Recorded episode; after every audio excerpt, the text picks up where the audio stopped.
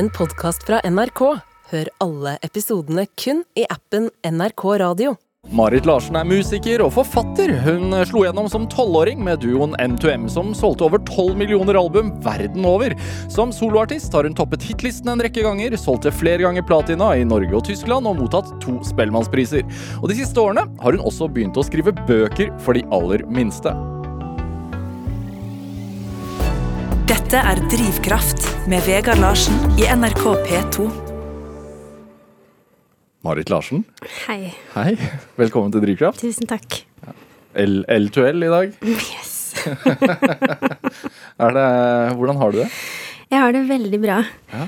Um, etter uh, veldig mye uh, unntakstilstand, en slags stafett i unntakstilstand, så er livet mitt nå litt mer gjenkjennelig. Em, har gitt ut musikk igjen, vært på turné. I helga lanserte jeg 'Sofia finner en sang', som er den siste barneboka mi. Um, så nå, nå har jeg det veldig bra. L- Livet er gjenkjennelig igjen. Hvordan er en vanlig dag? Jeg eh, har jo fått lage min egen arbeidsplass eh, i veldig mange år, Ja. så jeg har ganske strenge Hele livet, egentlig. Ja, egentlig hele livet. Men eh, de første årene um, av særlig dette musikkbransjelivet var veldig preget av at folk fortalte meg hvor jeg skulle til enhver tid. Ja. Eh, Når slutta de med det? Eh, når eh, MTM slutta, Ja. og jeg begynte på nytt. mm. Men um, jeg er jo um, syns det er gøy nå å ha sett musikkbransjen i så mange forskjellige versjoner. Uh, først som barn. Jeg var tolv da jeg ga ut barneplate. Ikke for å arrestere deg med en gang, men MTM, første MTM-utgivelse var da jeg var 16, da. Fortsatt veldig ung. Men um, da um, Altså, MTM var jo jeg var, Fra jeg var 15 til jeg var 19, Ja. eh, foregikk det. Så var det, ble det avsluttet da jeg var eh, ja, da du var tolv, var det da Marit og Marion synger barnesanger, Yes. eller hva den het? Og vi ble Ja. nominert til Spellemann, og jeg veldig syns vi, var- vi var bra, altså. Men um, så var jeg en del av et sånt amerikansk platebransjesirkus. I en tid før sosiale medier. Ja, tenk, er du glad for det? Veldig glad for det! Tenk, men tenk i dag, hvis dere har slått gjennom i dag. Da hadde du sikkert hatt 100 millioner følgere på TikTok. Ah, Jeg får øh, frysninger av tanken. Av glede, liksom av Eh, drømmen om at jeg slapp, at jeg slapp unna. Hvorfor det? Nei, altså eh, Det var jo en spesiell måte å promotere musikk på, særlig fordi em, Atlantic Records, da, som signerte oss i USA, de var veldig ambisiøse på våre vegne. Som jo eh, er veldig fint, så lenge det virker. Men vi lanserte i 22 land samtidig, og før sosiale medier betydde det at vi måtte fly. Vi måtte fly. Ja. Um, flytte på oss veldig mye. Um, hadde superlange dager. Sånn 14 intervjuer på en dag, og så videre til neste by. Og, um, men det betydde i hvert fall at vi satt i rom med folk og snakket. Uh, vi var i situasjoner hvor jeg kunne Vi sånn dro opp gitaren for å vise at vi kunne spille og sånn. For det var en tid hvor det var ganske mye folk på vår alder som ga ut musikk, men som danset. Som ikke nødvendigvis var låtskrivere. og vi var veldig opptatt av å vise fram den siden av oss, at det skilte oss ut. da. ja. Mm. Å snakke med voksne folk Mhm. verden over. Men vi, og vi følte oss ganske voksne. Jeg gliser, man kan ikke se det på radio. Men um, jeg har nesten aldri følt meg så voksen som jeg gjorde da vi begynte med den reisinga der. Um, men det var en veldig fin uh, tid i, uh, i livet. Ja. Uh, sånn sperret opp øynene og fikk eh, glane opp på skyskrapere og masse folk som snakket med sånn bred amerikansk aksent og fortalte hvor utrolig talented jeg var. Og, eh, det var veldig kult. Surrealistisk. Um, og helt surrealistisk. Og jeg hadde ingen referanser. Ingen knagger å henge noe på. Marit Larsen fra Lørenskog i, Ja. i Tokyo, liksom. Ja, helt absurd. Og vi hadde jo vi hadde jo hverandre, og det var utrolig bra, fordi som du sa, nesten alle rundt oss var voksne, og vi var jo Jeg skal ikke si vi var enkle, men vi var helt, eh, helt vanlige ungdommer fra Lørenskog. Det er jo um, Du har fått barn. eh, Kanskje litt ung ennå, men det kommer jo en tid i ethvert barns liv hvor de begynner å se Pokémon. Det blir kult, da.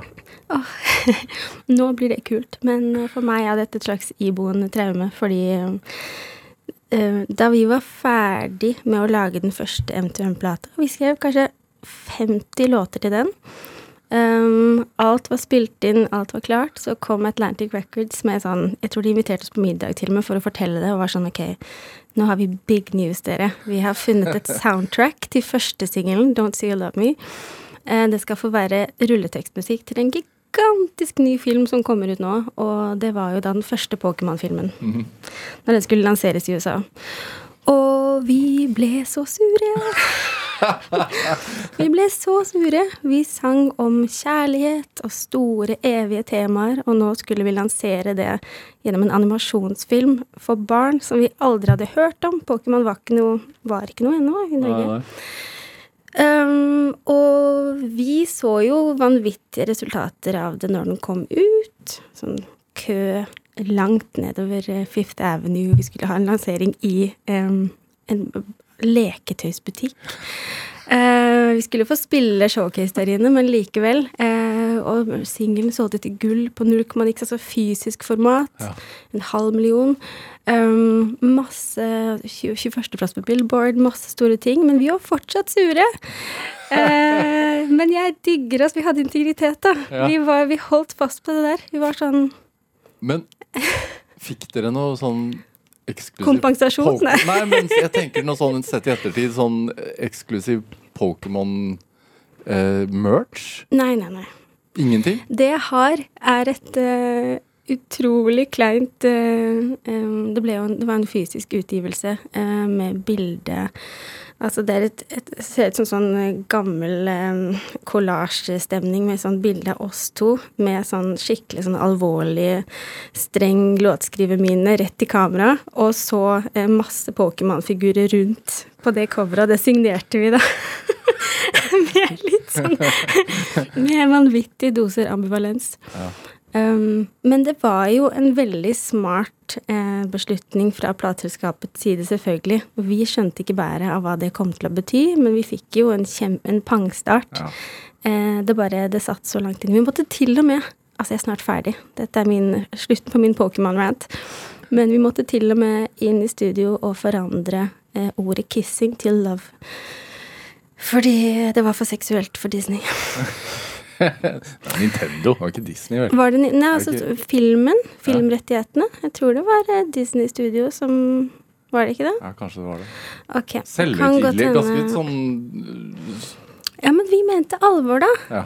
Og vi eh, Agendaen vår var jo å um, få denne musikken ut i verden. Uh, musikken var det største i verden da, og fremdeles uh, nå, da. Dette er Drivkraft med Vegard Larsen i NRK P2. Og I dag er eh, musiker og barnebokforfatter Marit Larsen her hos meg i Drivkraft på NRK P2. Er du vant til en barnebokforfatter? Nei, den er fortsatt litt uvant. Ja. ja. Eh, Men du er jo det, er jo, du er jo det nå. ja, nå er jeg det òg. Eh, hva, enda en hatt. ja. hva, hva, er, altså, du, hva er grunnen til det? Altså, du skrev din første barnebok for tre år siden. Mm, Eh, fire. Ja, fire. Så før jeg fikk barn selv. Ja, Denne nye er litt annerledes. ja for det, det er jo tanken man altså, det, det, som slår en. Altså, ja, nå har hun fått barn, ja, da selvfølgelig, da skriver hun barnebok. Mm, Men nei, du- boken kom før barnet. Ja. Så den første boken har um, uh, veldig mye tekst og er litt for lang. Jeg er fortsatt veldig glad i den, men um, denne nye um, er en page-turner, kan du si. ja. Mm. Uh, Sofia finner en sang mm -hmm. som handler om en, en liten jente som leter etter sin sang. Eller sin melodi. Ja, altså, jeg har prøv, prøvd å skrive um, Prøvd å skrive om um, musikk og kreativitet for veldig små hjerner. Em, jeg uh, syns det er et kult publikum å skrive for også, fordi det er ikke så mye som må avlæres ennå. Hvor små, tenker du? Jeg tenker fra tre til hundre. 100. Voksne mennesker går jo på kurs for å lære seg kreativitet på nytt, Mm. mens små mennesker har ikke lært at ikke de kan gjøre det. Så jeg tenker det er viktig å um, snike inn, ikke så veldig subtilt her, da, men um, en, den vissheten om at sånn det finnes faktisk utrolig mange bøker som ikke er skrevet ennå. Det finnes masse sanger der ute som ingen har funnet. Så vi må lete. Og hvis du får øye på den, så må du ikke slippe den av syne, osv. Er det en slags øh, huskelapp til deg selv også?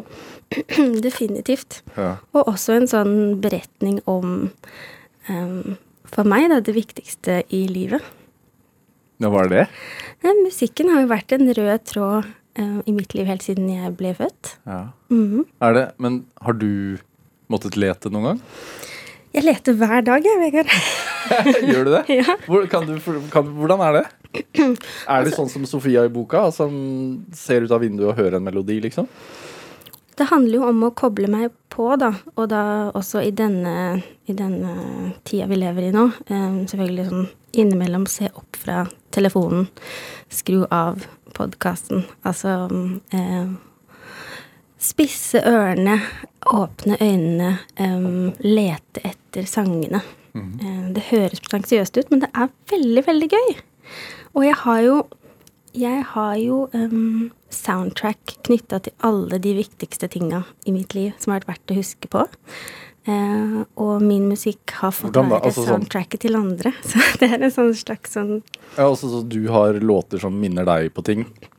Ja, altså, den em, Det å høre en låt i en film, eller på radio, eller på gata, eh, som du ikke har tenkt på på lenge, og så skjønner du hvordan musikken fungerer som en sånn em, minnebank i hjernen, transporterer deg til en samtale, et menneske, en situasjon du ikke har tenkt på på lenge. Har du et eksempel? Um, Åh, altså, jeg har så utrolig mye.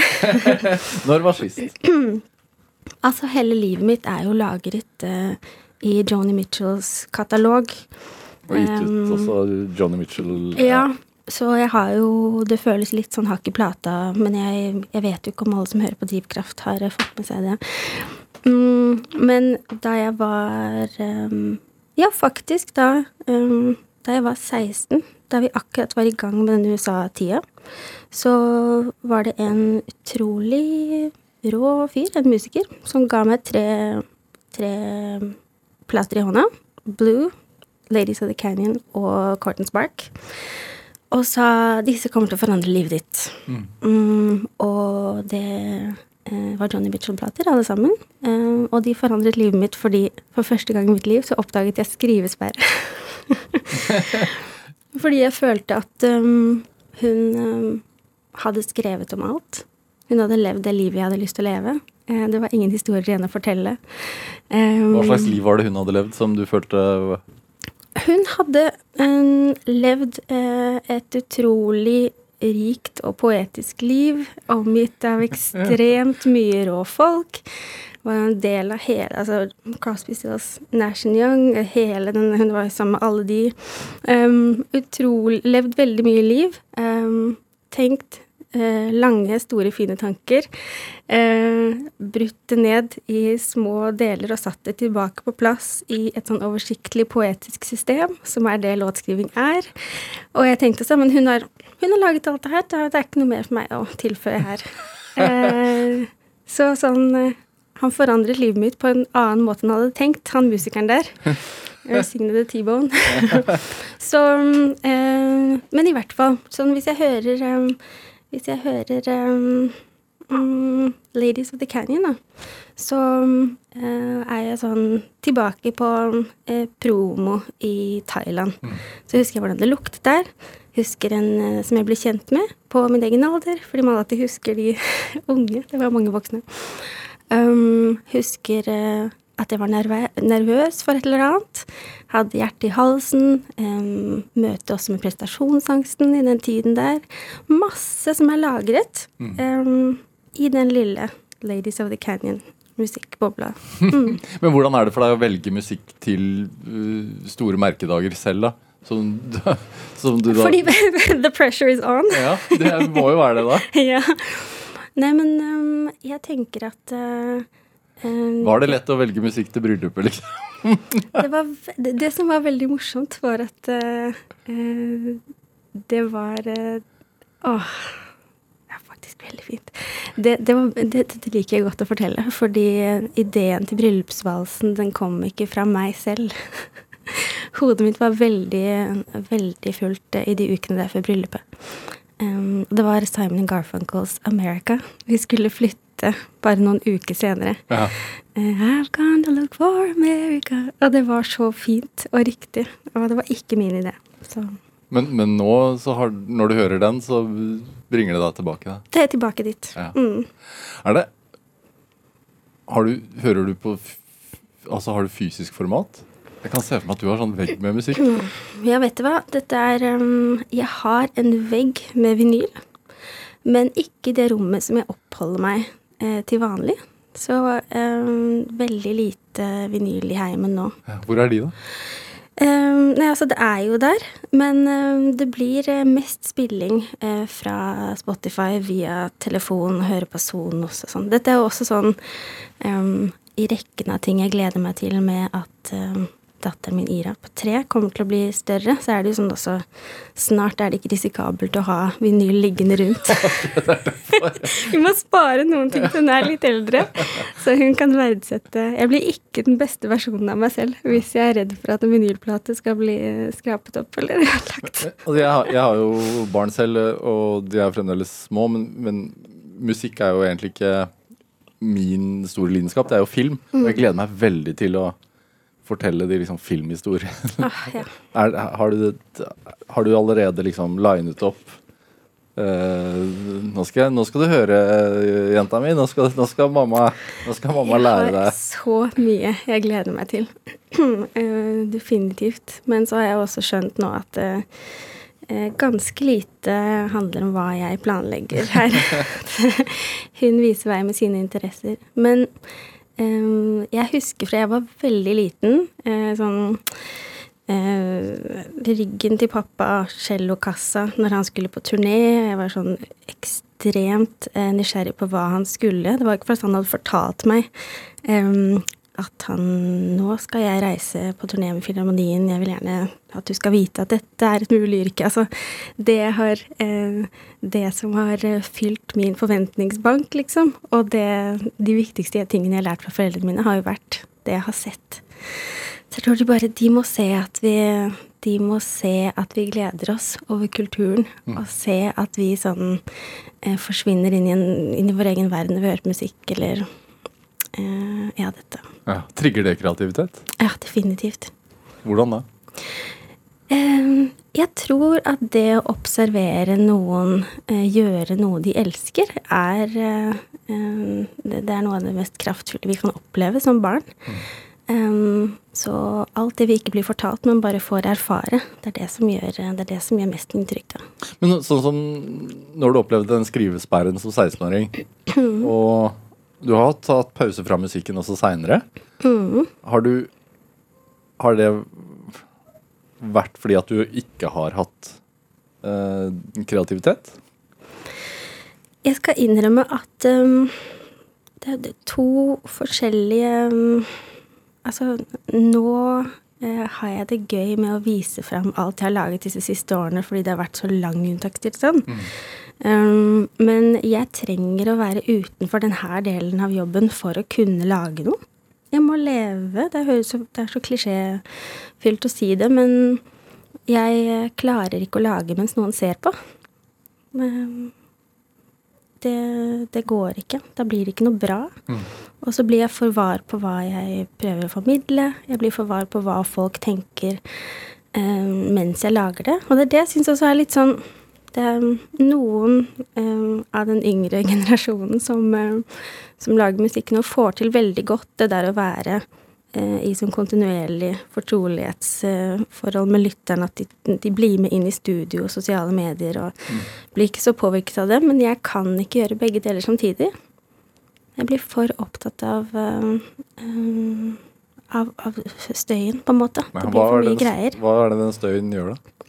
Um, jeg tror at jeg blir feig eh, av å tenke på at folk hører på og ser på. Og så når jeg er ferdig med et arbeid, så har jeg jo kjempelyst på oppmerksomhet. Syns det er veldig komfortabelt. Men jeg syns også sånn den derre Den personen som alltid eh, har lyst til å synes i rommet, eller som eh, syns det er topp at noen sier sånn 'Marit, kan ikke du spille en sang, og sleng deg ned?' Det er ikke meg, da. Det, er bare, det, er, det har aldri vært det. Og det er ikke meg. Men å gå på scenen, presentere, eh, spille musikk fra de siste 25 årene, liksom, kjempegøy. Topp stemning. Hvis jeg har bedt om oppmerksomheten, Ja. da vil jeg jo ha den. Må ha kontroll. Jeg må ha kontroll, samtidig som det å eh, spille live eller snakke foran mennesker jo er også en overgivelse av kontroll. Fordi det som oppstår i rommet der, er så veldig prisgitt um, den dansen da, mellom publikum og meg. Ja. Em, så Nei, men jeg, jeg trenger begge deler. Jeg, jeg lader på en måte også Jeg lader eh, i det møtet med Bare i denne helga her, da. Um, det å få lese denne teksten for små barn og erfare at den funker, em, versus å sånn spille konserter i desember nå, og også kjenne sånn uh, Folk synger med, liksom. Folk har den derre um, Det er masse uventa, masse wildcards som jeg ikke kan uh, budsjettere med, da, når jeg lager en konsert. Ja. Skal, vi, skal vi spille litt musikk? Ja. Um, kan spille litt uh, nokså nytt. da Det er fra ja, april i fjor at det var en av oss kom ut. Er det Ja. Cirka? Jeg tror vi må si nytt. Ja, den er ny. Ja, nei, ganske ny. Ja. Men, men, eh, men um, eh, på norsk, som jo i og for seg Du har jo sunget litt norsk før, men det har jo ikke vært din Har ikke skrevet på norsk til musikk. Nei. Nei. Skrevet sammen med Kjersti Annesdatter Skomsvold, mm. forfatter eh, som jeg elsker. som har vært involvert i, i begge de to låtene på norsk som har kommet ut det siste året. Hva, hva, hva handler den om? Nei, ikke sant. Det blir opp til lytteren. Skal, skal vi si. Nei, men for Jeg- deg, da. Nei, jeg har jo Jeg har forklart hva den handler om i teksten. Ja. Og så skal lytterne forklare. Nå svarte du for meg. Ja, okay. ja, det er klassisk svar, da, men eh, vi, la oss høre, da. Ja, ja. Hva er igjen av oss?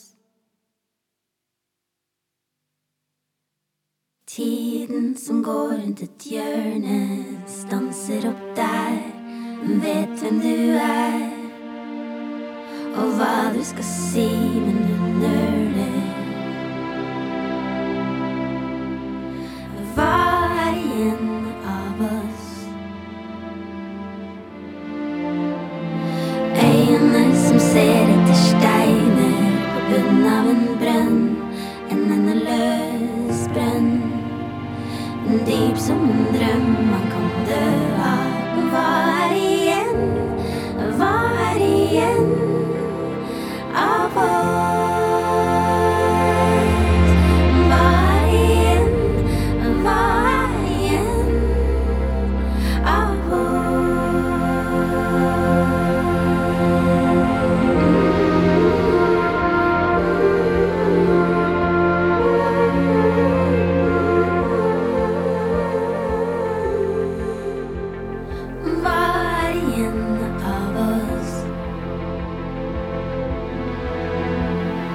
Fugler som faller fra trærne,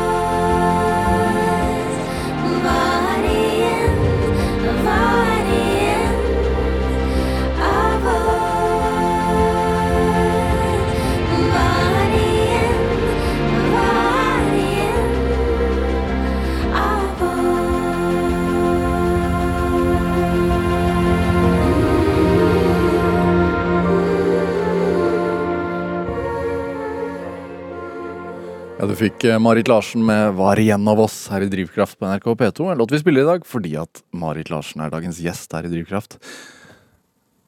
Er det Altså, var igjen av oss Er det en sånn øh, Hva er meningen med det hele? Hva etterlater jeg meg? Er det det Altså, du blir 40 år. Er det en slags 40-årskrise? That took a turn. ja, jeg blir 40 år. Eh, Det føles veldig bra. eh, Hvis det er det du leder frem til. Eh, Jeg føler meg veldig i rute. Apropos minnekapsel, så tenkte jeg nå når vi hørte på det Musikk høres jo annerledes ut når mange hører på samtidig. Uansett om ikke vi ser dem. Og det er så utrolig Jeg blir paff av det hver gang, egentlig. Jeg blir veldig var på ordene og sånn. Bare sånn, nå ble, det- det rett. Jeg slutter også ofte å høre på musikken jeg har laget i det øyeblikket jeg gir den ut, fordi da kan jeg ikke forandre den lenger. Det er som en sånn Jeg er i en sånn um, eh, den, den, den er avsluttet nå. Hvordan er det for deg da å være i en klesbutikk, og så er, det, spilles låten din? Ekstremt distraherende. Eh, men da kan jeg i hvert fall løpe ut. Går du ut igjen da? Jeg syns faktisk det er verre sånn på, på Jeg tar jo 21-bussen ganske mye nå, etter at jeg flytta til eh, Tøyen. Så um, har jeg en sånn eh, Ja, det er veldig ubehagelig. Eh, og folk lurer på om jeg legger merke til, og så må jeg være sånn hm, Det er greit for meg, men vet du Ser du på meg nå fordi du liker sangen, eller fordi du ser altså, ja. Veldig, veldig, veldig rart. Men denne låta er sånn um, paradoksalt nok, da. eh, sånn hvis vi snakker musikk og minnekapsel, så er jo Jeg bodde jo i New York da jeg skrev denne låta på norsk. Det var jo den tiden der i, eh, i USA som gjorde at jeg fant veien inn i eh, det norske språket også på engelsk.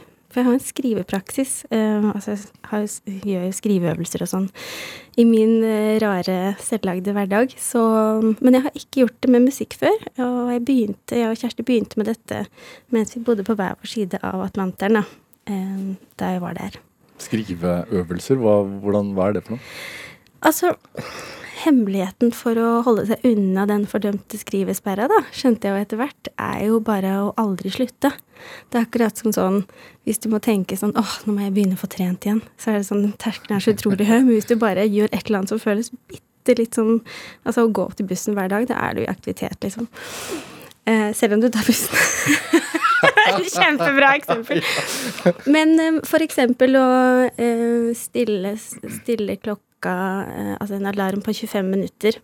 Og velge eh, et objekt eller en situasjon eller et eller annet. Og eh, skrive fritt, men noe som skal være en avsluttet tekst på 25 minutter. Mm. det er veldig bra. Det er bra for hjernen. Hvilket objekt skrev du sist om?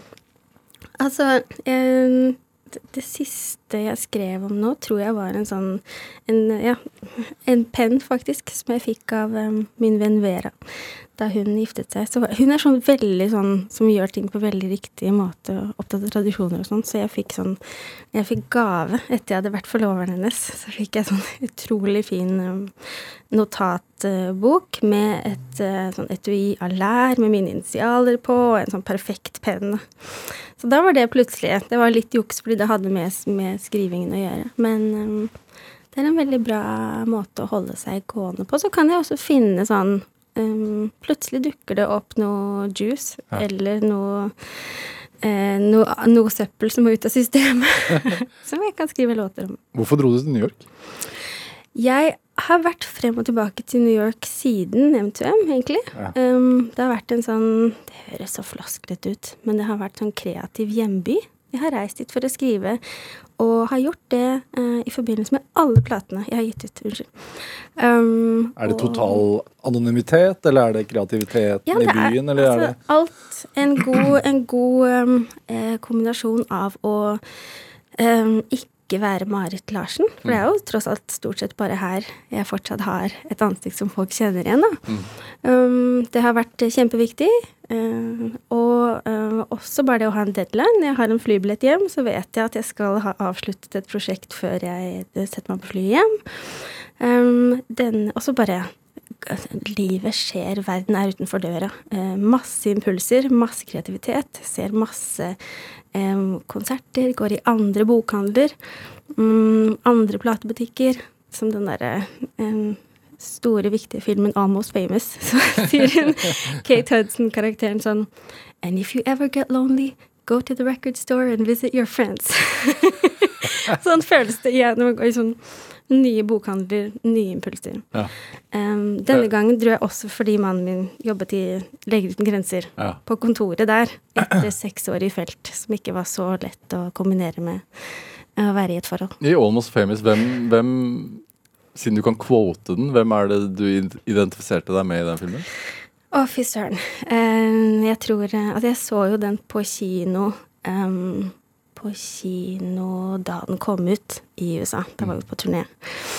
Jeg tror at jeg uh, vel identifiserte meg mest med de der uh, flaky bandfolka som uh, reiste rundt og hadde det som en sånn konstant i livet. Hva, hva er det han roper? I'm a golden How do you know if it's kicked in? I am a golden god! Fra toppen av taket. Stuper ned i bassenget. Jeg har pønska litt på det der, faktisk, fordi jeg har veldig lite sånne typer rockehistorier eh, i min eh, i mitt liv. Det kan kanskje ha noe med at vi hadde med foreldrene våre helt fra start. Veldig lite drugs. Ja. Eh, men rock'n'roll på vårt vis, da. Ja. Ja. Men altså de det- av Joni Mitchell, at hun hadde eh, Hva skal man si? Levd det optimale musikerlivet. Mm. Og også sånn identifikasjon med Almost Famous, som som handler om å slå igjennom og se opp til artister og liksom banddrømmen, da. Mm. Er- Har det vært liksom din drivkraft hele veien? Fra du så far gikk ut med celloen, liksom, for å spille med Filharmonien?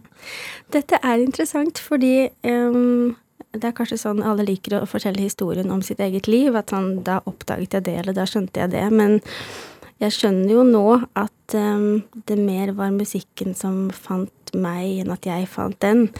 Ehm, Hva betyr det? det betyr at altså, pappa, cellist 41 år i Filharmonien. Ja. Eh, mamma, klaverpedagog. Assisterende rektor på Musikkskolen i Oslo.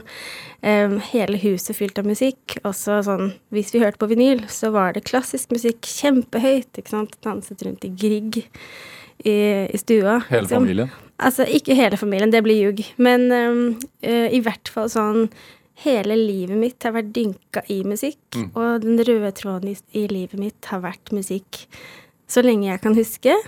Um, har også um, Men denne, denne veien inn i å komponere og lage selv, den har jeg ikke hjemmefra. Den var faktisk øh, Den kom innenfra, men det var jo fordi jeg var fylt opp med musikk allerede. Fordi de spilte andres noter? De spilte andres noter, og i den klassiske musikkverdenen, da, som de begge um, er en del av, så handler det om å spille noe noen andre har komponert så bra som overhodet mulig. ikke sant? Mens jeg um, har lyst til å prøve å finne de tomrommene eller de mellomrommene, eller de eh, Fange de øyeblikkene som ingen andre har funnet. Så det blir jo egentlig Det er to helt forskjellige inngangsporter til, eh, til musikken. Eh, men begge deler trengs, ikke sant? Hvorfor tror du at det brenner sånn? I meg Ja, Det å skape den eh, Det som ikke er funnet, funnet opp fra før. Jeg tror det er fordi det bare For meg så rører det ved noe som føles så fundamentalt eh, eh, viktig og stort og litt sånn eh, det, er For meg er det meningen med livet, da.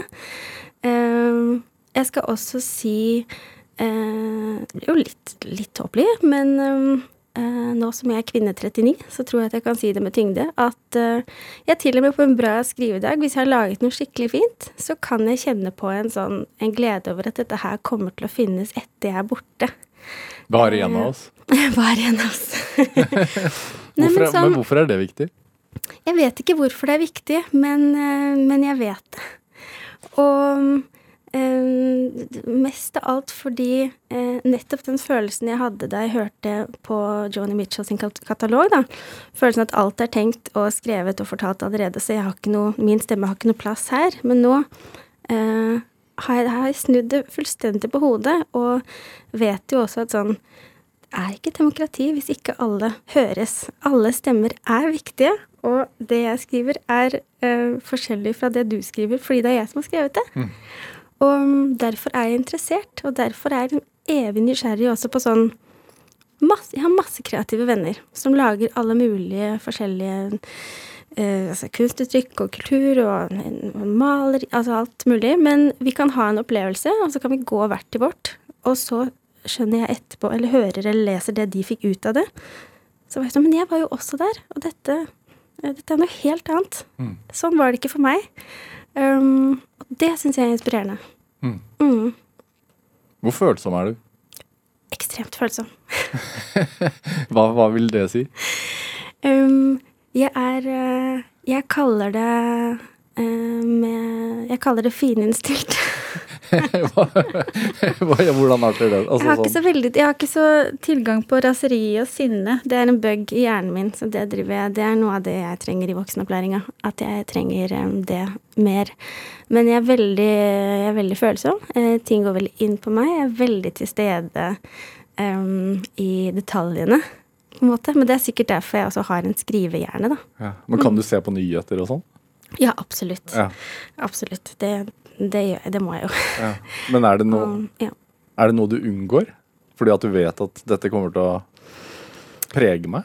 Um, Det unngår, er eh, å se på um, veldig mørke eller uh, voldelige eller veldig sånn eksplisitte uh, Altså TV-serier og sånn. Så leser Last det som går nå, det ser du ikke på? det, vi måtte ha en familiesamtale om det, faktisk. Eh, Da eh, Alexander skulle begynne å se den nå, at jeg bare mm, eh, Jeg må vente, han må ta noen episoder, og så skal han fortelle meg om jeg skal bli med eller ikke.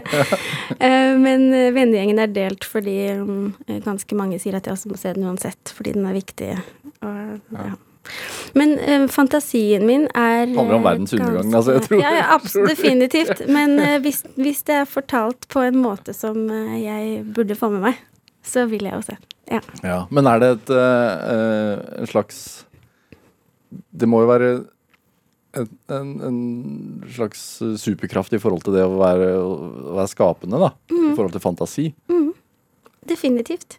Og med det som skjer hvis jeg ser noe veldig, veldig mørkt Altså, jeg kom meg gjennom um, Jeg har sett hele Breaking Bad, for eksempel. Ja. Men søvnen min i den tiden der var ikke sånn og det var ikke sånn ekstremt bra. Fordi jeg dikter videre, og mm, ting brenner seg fast. Mm.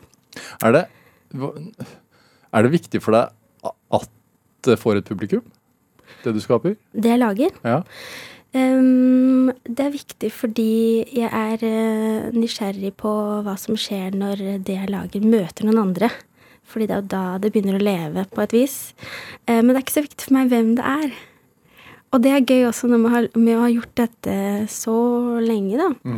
At um, jeg ehm, har jo fått en selvtillit på, basert på da at jeg har opplevd det så mange ganger. Men når jeg da, uansett hvor lenge jeg er ute av den eh, karusellen som jeg er tilbake i nå, eh, med offentlighet og sånn, så er det Når jeg kommer ut og presenterer noe igjen, så er det alltid noen som trenger det. Um, og det, det driver meg. Det syns jeg jeg er eh, inspirerende, da. Um, men det er ofte ikke de samme menneskene som var med sist eh, runde. Um, og ikke bare fordi jeg Altså, fundamentet i min musikk har jo hele tiden vært um, eh, Det har jo kommet fra det klassiske. Så det at jeg bruker orkester og sånn, det, det, det er noen sånne fellesnevnere som gjør at noen har vært med hele veien. ja, for det har du bare i deg. Det har jeg i meg. Hjernen min tenker i store eh, maksimalistiske arrangementer. Så hvis jeg har ubegrensa med eh, budsjett og tid, så kommer det til å ende opp med å være ekstremt mye tracks i den produksjonen. Som da også er litt utfordrende fordi jeg har tatt på meg i rekken av liksom eh, hatter jeg har tatt på meg for å få denne jobben og denne bransjen til å være spiselig for meg og min personlighetstype. Så mm, har jeg jo nå, eier jeg nå mine egne produksjoner eh, og produsere selv, og må også finansiere alt det her. så når jeg får det som jeg vil, så blir det utrolig dyrt. Men um, det, er, det er verdt det. Ja. Ja. Men uh, den personlighetstypen din, er det Fordi som artist så kan man jo uh, se på trender, tenke målgruppe, målgruppe, uh, ta på seg den hatten fordi at man tenker at det er riktig nå. Ja. Uh, hvordan forholder du deg til det? Mm, Så, altså for eksempel da, etter M2M. ja, ja. Så um, gikk det jo noen år så da gikk du ut solo. Mm. Um, da begynte du å spille på sånn bylarm og sånn, mener jeg å huske? Ja, jeg begynte, jeg gikk Det var tilbake til start. Ja. Hvis, hvis det er lov å si. Jeg hadde jo et navn, så folk kom jo på den showcasen. Eh, Ja. Men ja, Men et annet publikum, da. et annet publikum. Og jeg måtte begynne på scratch fordi vi hadde jo hoppet over masse trinn i starten. Mm. Vi ble jo sånn oppdaget. Og så spilte inn demo rett til USA, liksom. Det er dette som er så absurd også. Vi hadde, hadde hoppa over masse. Hadde egentlig ju- juksa litt, på en måte. Det var jo um, det vi gjorde, det vi lagde, som gjorde at vi fikk snike i køen. Men da jeg begynte solo igjen, så var det jo bylarm, showcase, spille inn demoer, ikke sant. Uh, hadde med meg liksom en minidisk med 19 låter når jeg skulle begynne å jobbe med Kåre Vesterheim. Og sånn. Og så du ga du ut plata Under the Surface da i 2006, og det ble kjempesuksess. Mm, ja, det Eh, gikk veldig bra. skal vi bare spille litt av Ja, det. tittellåten? Ja. Jeg kan den utenat, i hvert fall. Det ble spilt mye på radio. Yes.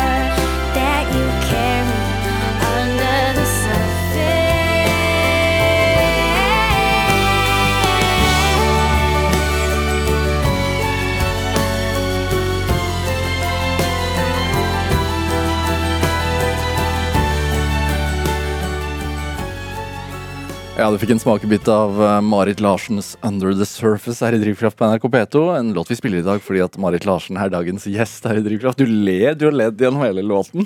Er dette en eh, hva, hva skal man si, stor maksimalistisk produksjon? Er det, representerer den det? Jeg ler av at dette er tittellåta fra den første soloplata mi. Jeg blir sånn Ja, du begynte der. Ja, hva, hva, No shame. Nei, jeg syns det, det er veldig gøy. Nå bor det jo veldig mye i den låta her også som ikke handler om selve låta, for meg, fordi jeg har spilt den tusen ganger. Og Ja. og folk synger med, da. Ennå. folk synger med ennå. Eh, det var veldig gøy i desember, faktisk. Fordi nå var det jo en stund siden jeg hadde spilt konsert. Jeg bare Er vi blitt for gamle for det her nå? Men nei, det har vi ikke. folk kan teksten, synger høyt og vil vise meg at de kan den. Ja. Så det er sånn med den derre den gestikuleringa som nå faktisk også, hvis jeg kan by på det, da, eh, oppsto helt av seg selv i studio her. Så er det sånn eh, Det er utrolig digg at vi kan dele det her fremdeles. Eh, Er ikke, det, er ikke det man drømmer om som artist? da? Altså sånn at, at hele salen kan sangen din, og den lever sitt helt egen, eget liv, liksom? Det Altså, er utrolig gøy. Det er så spesielt. Også fordi ehm, den ble på en måte De låtene her ble så store at det er ganske mange som kan de på lateengelsk òg, liksom. Fordi de var små da de begynte å høre på de. Fortsatt nå så står de der, nå er de voksne. Eh, nå er de kanskje i 30-åra, og så kan de den fortsatt på lateengelsk, sånn som man kan med ting man hørte på da man var liten. altså man synger feil ord. Ja, ja, så bare når man er liten, så vet man jo ikke hvor ordene begynner og starter, når det er på et språk man ikke kan. Men du kan hele teksten. Men du bare, du har ikke reflektert over hva det betyr, eller ikke sant? Det syns jeg er rått. Er det? Men er det i forhold til det da også at jo man kom, Det vi snakket om før vi spilte låten, det å eh, lansere noe på egen hånd eh, med et helt nytt sound. Eh, og så gjøre det igjen og igjen. Fordi det skjer vel kanskje automatisk når man tar pauser? Fordi at man utvikler seg som menneske? Det er i hvert fall det jeg leter etter, da. Ja. Fordi mm, alt jeg har gitt ut, høres jo ut som meg på et vis fordi det kommer fra mitt hode og mine referanser. Men mine referanser eh, forandrer seg jo også, og jeg tror at um, uh, Fordi jeg er en fan og hører på masse uh, som driver meg framover, men uh, jeg tror det var det som var sånn befriende også med å komme ut av det, selv om det var um, trygt og gøy å begynne i det der major label-systemet. Altså på, på høyeste hold Amerika og alt det der, som jo var gøy fordi jeg fikk en slags bekreftelse på sånn I starten så er det sånn Åh, jeg har platekontrakt, jeg er en artist. Jeg har manager, jeg er en artist. Man trenger den bekreftelsen for å skjønne at man får lov å være med i det selskapet der. Men etter hvert så er det jo også sånn um, baksiden av at man har funnet en um, Eller blitt en formel som noen tenker at funker, er jo at um, um, et stort salgsapparat vil at du skal forbli i den formen, da. Um, og så er det jo i, et, i en sånn kreativ, et kreativt eh, hodes natur å bevege seg videre, ikke sant? Uh, og at jeg syntes det var vanskelig etter hvert å skulle um, på en måte levere varene og være en sånn på en måte Selv om det var jeg som hadde laget eh, dette eh, Marit Larsen-formede hullet som forsvant når jeg forandret meg og gikk videre, em, så var det utrolig befriende å kunne ha min egen label, eh, bestemme når jeg syns at noe er klart til å gis ut, og dermed bare kunne ta beslutningen om at ok, men vet du hva, da gjør vi det neste da, en måned fram i kalenderen. Eh, da er jeg klar. Nå gjør vi det. ikke sant? Trenger ikke vente på at noen skal sitte rundt et sånt ovalt, stort bord på et møterom og være klar, eh, legge en plan. Um, Men det tenker jeg også krever ganske mye selvtillit, da. ja, det gjør det. Men det Fordi all den usikkerheten må du svare fått- på. All, Ja. ja. Mm.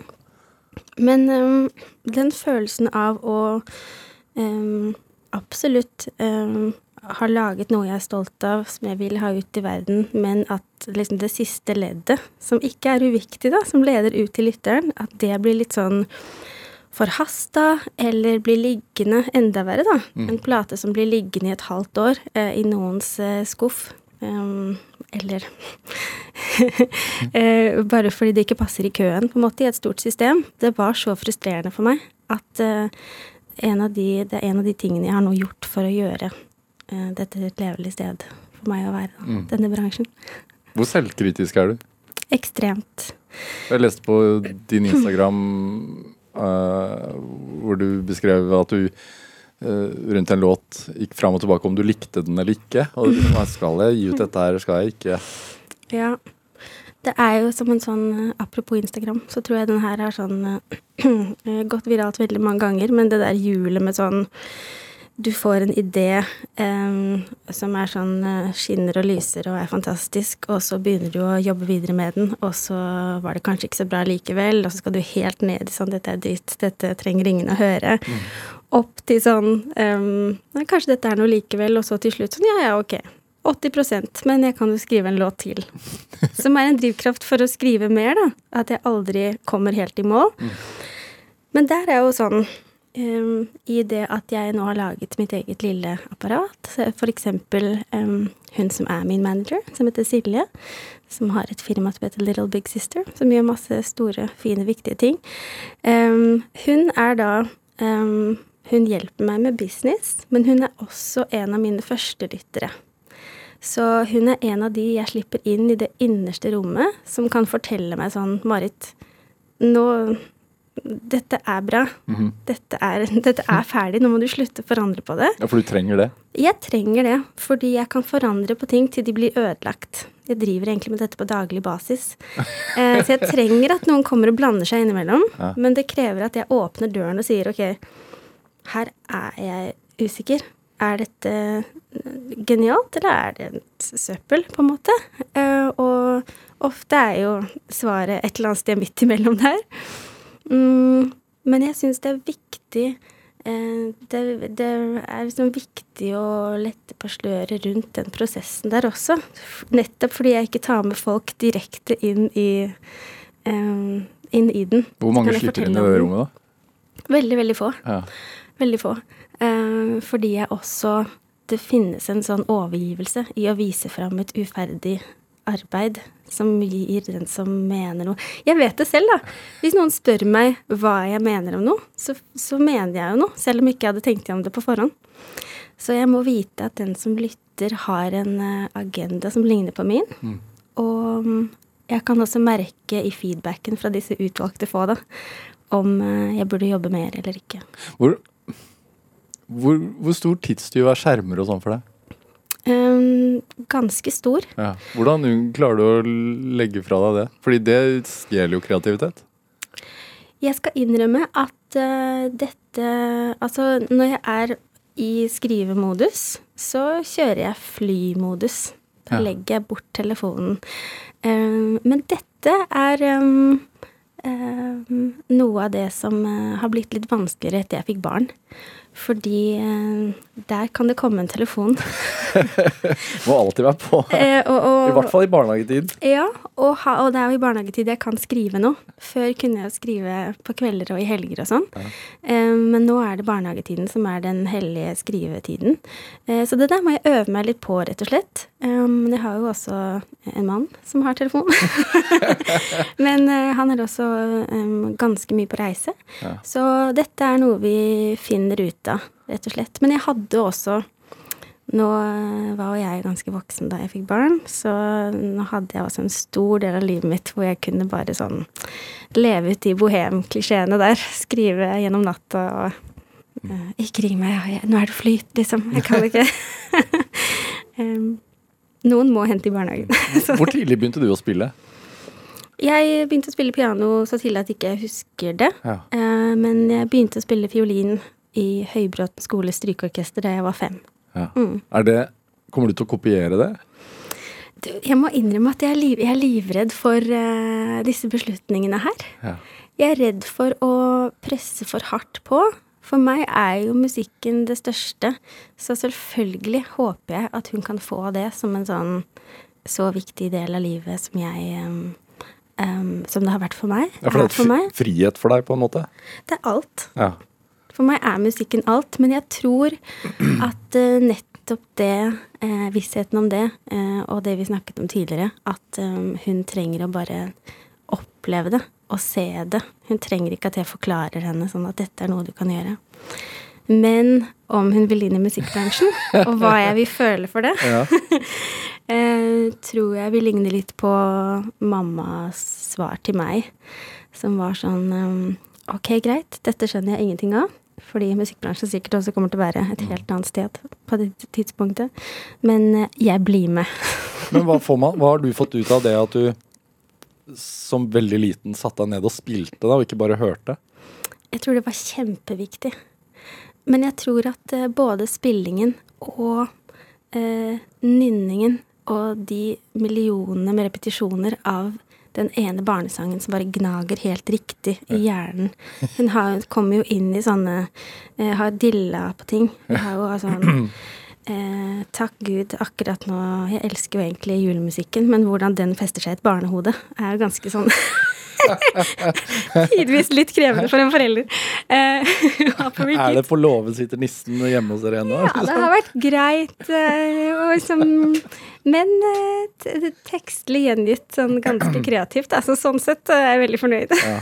Jo, men altså, jeg tenker sånn For deg så må det jo ha Hmm. Det at du hadde tilgang til instrumenter, Ja. hadde et piano Man vil vel sikkert utvikle et annet forhold til, til det man hører når man ja, jeg tror jo det. Ja. Jeg tror det.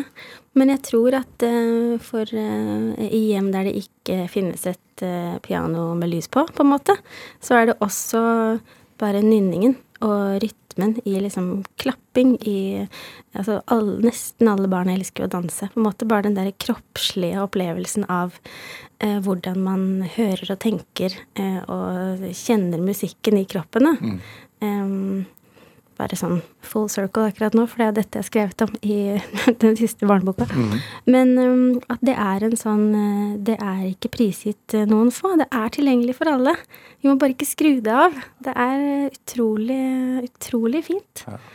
Um, også bare se hvordan barn som ikke snakker samme språk, eller voksne for den saks skyld, kan møtes i musikken og bare ha den um, Det er utrolig sterkt, altså. Marit Larsen, en, en time går fort. Hva, hva er drivkraften din? Drivkraften min er å lete. Lete, lete, lete etter disse um, melodiene som ikke er skrevet ennå. Marit Larsen, tusen takk for at du kom til Drivkraft. Takk for meg. Hør flere samtaler i Drivkraft på nrk.no eller i appen NRK Radio. Send oss gjerne ris eller ros, og også tips til mennesker som du mener har drivkraft. Send en e-posten til drivkraftkrøllalfa.nrk.no. Vi hører veldig gjerne fra deg. Produsent i dag det var Kjartan Aarsand, mens eh, Olav Tessem Widsvang gjorde research til denne sendinga. Men dette, dette var Drivkraft. Jeg heter eh, Vega Larsen. Vi høres. Du har hørt en podkast fra NRK. Hør alle episodene kun i appen NRK Radio. Hele historien. En podkast fra NRK. Er du der? Jeg er. Ja, det er krise. Det er noen som har tatt fra bussen og drept mange. To ganger, med ti års mellomrom, blir Valdresekspressen kapret. I kveld, bussjåføren og en passasjer på Valdresekspressen ble angrepet med kniv. Det er fryktelig brutalt. Veldig målrettet. Han hogger for å drepe. Knivdrapene på Valdresekspressen hører du i appen NRK Radio.